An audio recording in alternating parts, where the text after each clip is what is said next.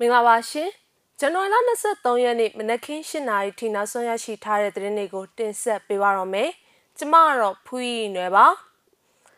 မန္တလေးမြို့ကကမ္ဘောဇဘန်ခွဲတစ်ခုမီးရှို့ခံခဲ့ရပါတယ်ရန်ကုန်မြို့မှာတော့တာကေတာမြို့နယ်ဘောလုံးကွင်းမှာတက်ဆွဲထားတဲ့စစ်ကောင်စီတပ်လက်ပစ်ပုံးနဲ့တိုက်ခိုက်ခံခဲ့ရပါတယ်စစ်တပ်လေရင်စီတည်ယူရေးကူညီဖို့သဘောတူထားတဲ့ဆိုတဲ့သတင်း RCSS ညင်းဆိုတဲ့အကြောင်းအပါအဝင်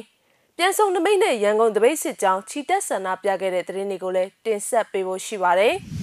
။စစ်ကောင်စီရဲ့လေရင်စီတည်ယူရေးကူညီပေးဖို့ရှမ်းပြည်ပြည်လဲထူထောင်ရေးကောင်စီ RCSS SSA ကသဘောတူထားတဲ့ဆိုတဲ့သတင်းဟာအခြေအမြင့်မရှိတဲ့သတင်းရင်းမြစ်ကိုအခြေခံထားတဲ့သတင်းသာဖြစ်တယ်လို့ RCSS ကထုတ်ပြန်ပြောဆိုပါတယ်။အဲ့ဒီသတင်းဟာမဟုတ်မှန်ပဲရည်ရွယ်ချက်ရှိရှိတိုက်ခိုက်ခြင်းသာဖြစ်တယ်လို့ RCSS ရဲ့ပြောရေးဆိုခွင့်ရှိသူဘုံမူခန်းဆန်ကပြောပါတယ်။ကျွန်တော်တို့မလုပ်ပါဘူးဗျာ။ အခြေအမြင့်မရှိတဲ့သတင်းတွေပါဒီဟာက RCSS ကိုအဖွဲ့အစည်းတစ်ခုဒါမှမဟုတ်လူပုဂ္ဂိုလ်တစ်စုံတစ်ယောက်ကရည်ရွယ်ချက်ရှိရှိနဲ့ဝါရဖြန့်တယ်လို့ယူဆရပါတယ်ဆိုပြီးသူကပြောပါတယ်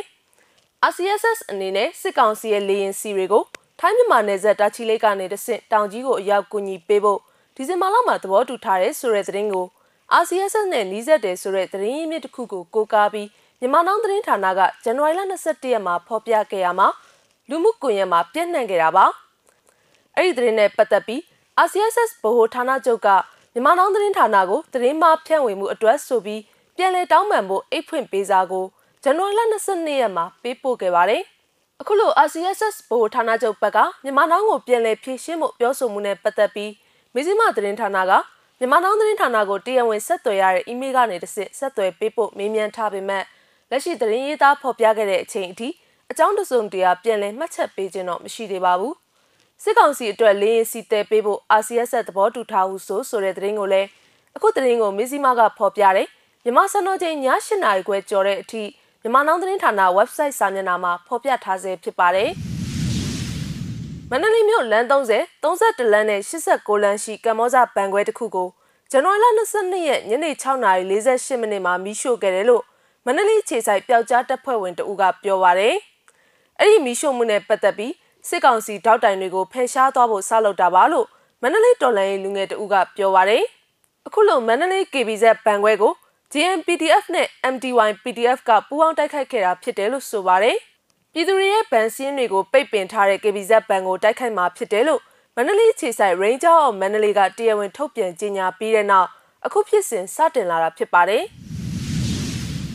ရန်ကုန်တိုင်းတာကေတာမြို့နယ်မြင်းတော်သာလမ်းပေါ်ရှိ နေမြယုံမတိုင်အနီးဘောလုံးကွင်းအတွင်းတက်ဆွဲထားတဲ့စစ်ကောင်စီတပ်ကိုဇန်နဝါရီလ22ရက်ညနေ6နာရီခွဲမှာလက်ပစ်ပုံးနဲ့ပြစ်ခတ်တိုက်ခိုက်ခဲ့တယ်လို့ဆိုပါတယ်။သူတို့တက်ဆွဲထားတာတော်တော်တော့ကြာပါပြီ။အင်းအားလဲများတယ်လက်ပစ်ပုံးပြစ်ထက်ခဲ့တာလူလဲနားမှာရှိတော့လူပါထိနိုင်တယ်လို့တိုက်ခိုက်ခဲ့တဲ့ Burma Final Revolution Armed Force အဖွဲ့ကပြောပါတယ်။အဲ့ဒီတိုက်ခိုက်မှုကြောင့်စစ်ကောင်စီတပ်ထိခိုက်မှုရှိနိုင်ပြီးကားနှစ်စီးပျက်စီးခဲ့တယ်လို့ဆိုပါတယ်။အတန်အကျဲကြီးကြားလိုက်တယ် နာနာမှာကပ်ပြီးပောက်သွားတယ်လို့ကိုကြေတာပါဘယ်နေရာမှာပောက်လဲတော့မသိဘူးဆိုပြီးဒေသခံတူကပြောပါတယ်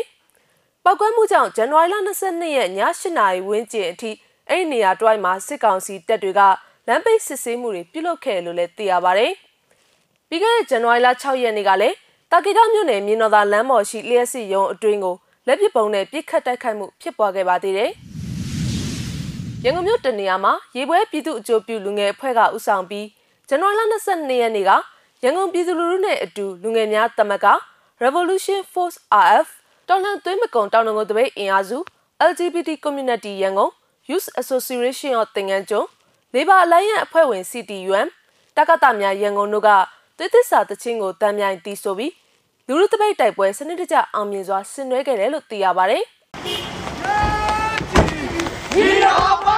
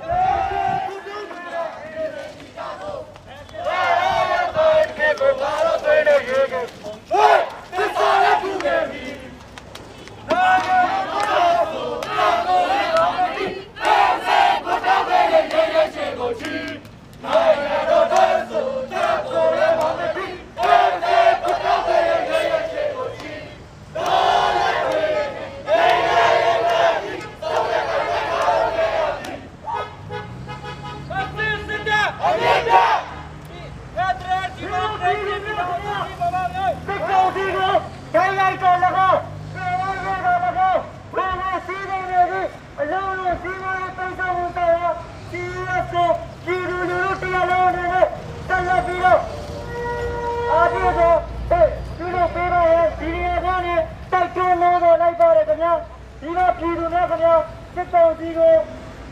စစ်ကောင်စီအဓိကဝင်ဝင်ဖြစ်တဲ့ကျွန်တော်တို့ရေနာတဲ့တော်ရတကယ်မှရရှိနေသည့်ဝေမန်းများနဲ့ကျွန်တော်တို့ပြည်သူလူထုများကိုအကြမ်းဖက်လုံအောင်များလုံဆောင်နေတဲ့အချိန်မှာအလုံသမားဖွင့်ရဲ့လူခွင့်ရများရောရေနာတဲ့တဘာဝတကယ်ကော်မတီတို့အမေရိကန်သားနဲ့ဆက်ပေါ်သွားပြီးဖြစ်ကြောင်းဒီကြောင့်ပဲခင်ရလိုက်ပါတယ်ခင်ဗျာပြည်သူများ၏မတုံမနဲ့ကြိုးပမ်းမှုကြောင့်လားစစ်ခွေးများ၏ဆွေးနွေးကြတာဒီနေရာနဲ့ပြည်ပြီးတော့တော်တော်များများတွေကပြ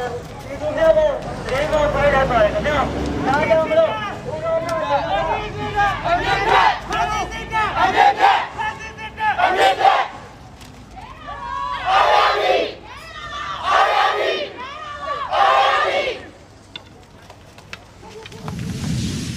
မဇ္ဈိမ TV ရဲ့နောက်ဆုံးရသတင်းတွေကိုတင်ဆက်ပေးကြတာပါစောင့်မျှော်ကြည့်ရှုခဲ့ကြတဲ့ပရိသတ်တွေအားလုံးကိုကျေးဇူးအထူးပဲတင်ရှိပါတယ်ရှင်။